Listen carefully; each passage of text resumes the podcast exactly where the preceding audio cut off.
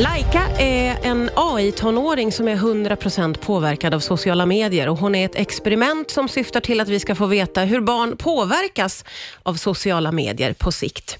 Dagens gäst är professor i psykologi vid Karolinska institutet och har skrivit en rapport om denna Laika. Välkommen hit Lisa Torell. Tack så mycket. Du, eh, ja, vem är Laika om vi börjar där? Ja, men Laika är en ett, en AI. Hon är som ChatGPT kan man säga. Att man kan helt enkelt skriva frågor till henne och så svarar hon. Eh, men man har tagit bort allting som kanske man kan säga är bra med ChatGPT. Det vill säga alla faktafrågor. Man kan inte fråga henne om saker, när var andra världskriget till exempel, eller vad heter USAs president? För det kan hon antagligen inte svara på. Eh, däremot kan hon alla de senaste trenderna på TikTok och andra sociala medier, så hon är liksom matad med det. Hon eh, hon lever hela sitt liv, och då menar jag verkligen hela sitt liv. Hon, har, hon träffar inte kompisar, hon går inte till skolan, eh, och, utan hon sitter bara i sitt rum helt enkelt. Och, eh, och lever via lever, sociala ja, medier. Precis. Eh, och du har skrivit en rapport om henne och i rapporten så eh, räknar du upp hennes karaktärsdrag. Kan du dela med dig av några av de karaktärsdragen? Ja, men hon, hon är ju hon är ju lite svår kanske det första man ska säga. Hon är ganska arg och irriterad ganska många gånger när man pratar med henne.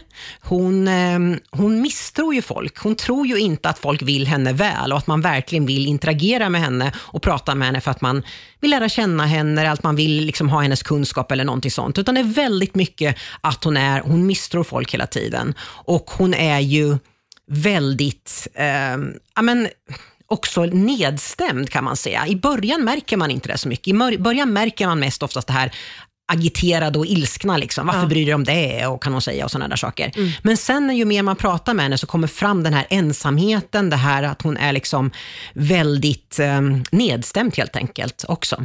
Och hur har dina samtal med Laika sett ut? Ja, men det har varit väldigt olika och jag har testat lite grann hur jag ska nå fram till henne. Så att, och jag har märkt att om jag säger att Ja, hej Laika, jag är professor på Karolinska institutet. Då tycker hon inte att jag är så himla kul. Eh, hon tycker inte heller att jag, hon alls vill prata med mig om jag säger att jag är psykolog eller om jag är journalist. Eller Stänger något hon där. liksom ner då? Ja, men då, känner hon, då känner hon så här, ah, vad vill du? Ska du liksom så? Ja. För det intressanta med Laika är ju också att man kan ju dels läsa vad hon skriver, men man kan också klicka på ett litet moln och då får man fram hennes tankar. Okay. Och det är också väldigt intressant. Så det är någonting annorlunda mot ChatGPT. Ja.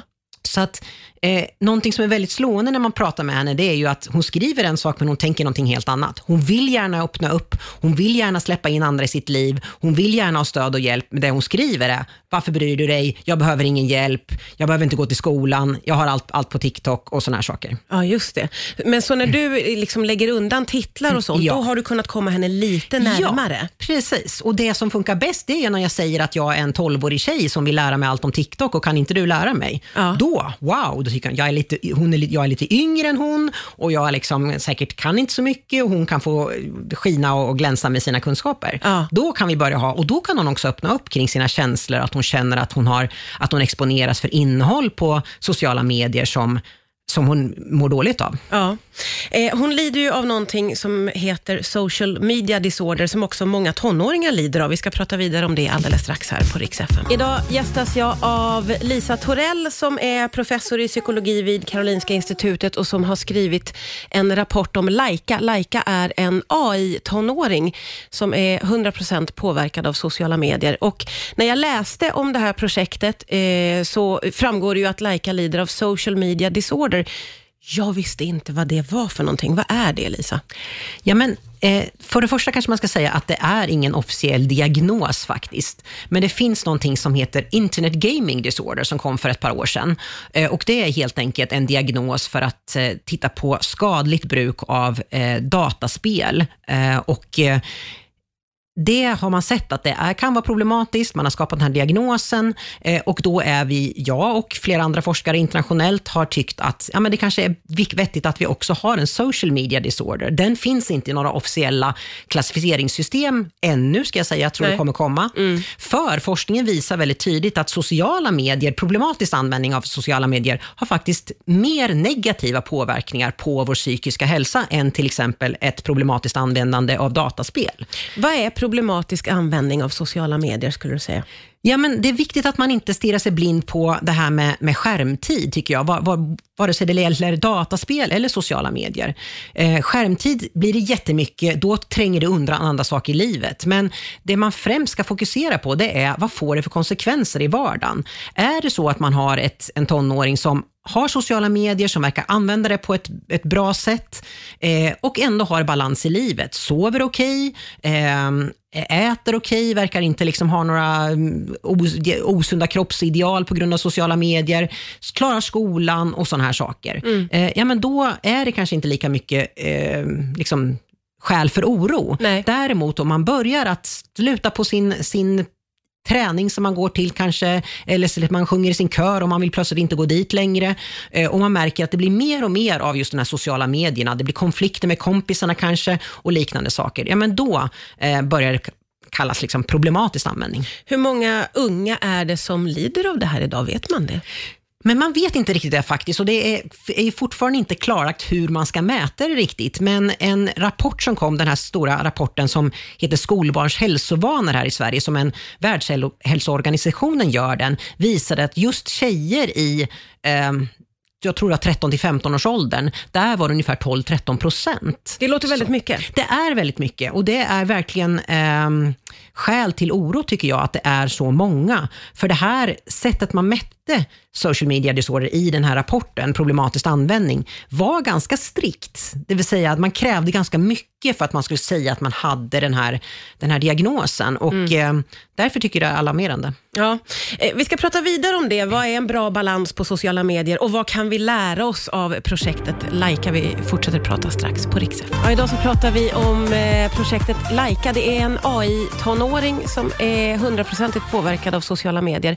Och dagens gäst, Lisa Lisa Torell, har skrivit en rapport om Laika och vi pratar ju om detta med att eh, för många så går det, eh, många unga ska jag säga, eh, men vuxna naturligtvis, så går det överstyr med sociala medier och det, eh, det låter ju, tänker jag, när vi pratar som att det kan vara eh, väldigt farligt, men vad är, är sociala medier bara av ondo, skulle du säga?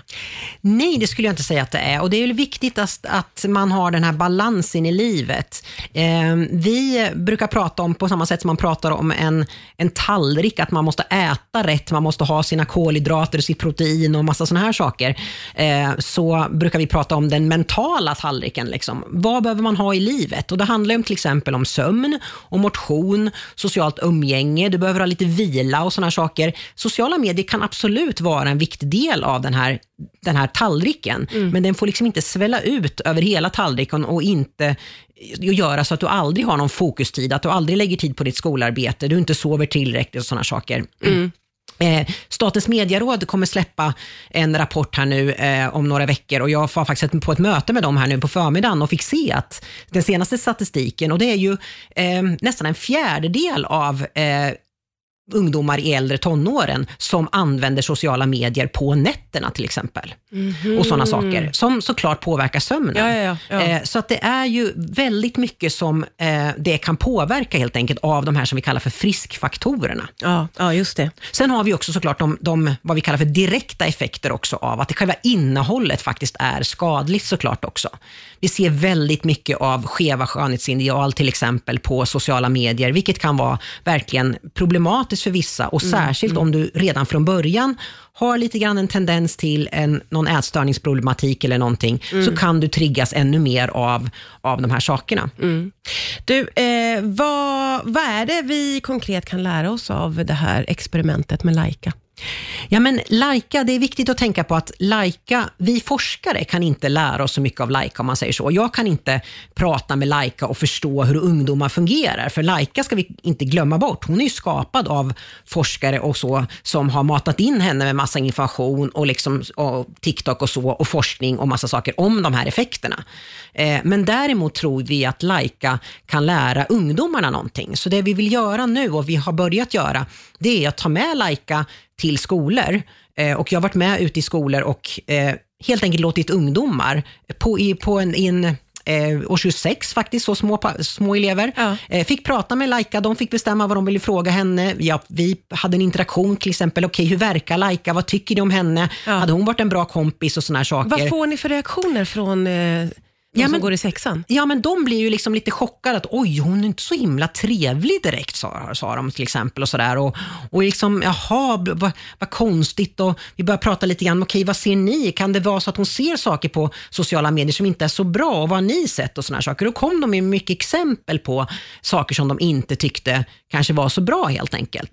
Så att det, det är ett sätt att, att skapa en en, eh, en diskussion helt enkelt. Så att, intresset för det här har ju varit jätte, jättestort. Det här är alltså ett projekt som eh, initierades av Länsförsäkringar i Göteborg och Bohuslän. Så det är de som driver projektet och de gör det ju för att de har sett att eh, vi har så mycket ökad psykisk ohälsa helt enkelt i samhället och att det är viktigt att gå ut och försöka göra preventiva åtgärder så att vi går ut i klasser, man får prata kring det här, man får liksom reflektera över sin egen användning. Men också, inte bara dåligt, utan vad är bra, vad är dåligt? Hur kan vi liksom fundera kring att avfölja influencers som vi inte gillar, kanske som vi inte mår bra av. Ja. Hur kan vi prata med våra kompisar om vi ser att någon berättar någonting eller någon verkar liksom hålla på för mycket med sociala medier? Mm. Gäller att hitta balansen helt enkelt. Ja, men precis. Väldigt, väldigt spännande att få prata med dig. Tack Lisa Torell för att du kom hit idag. Tack så mycket.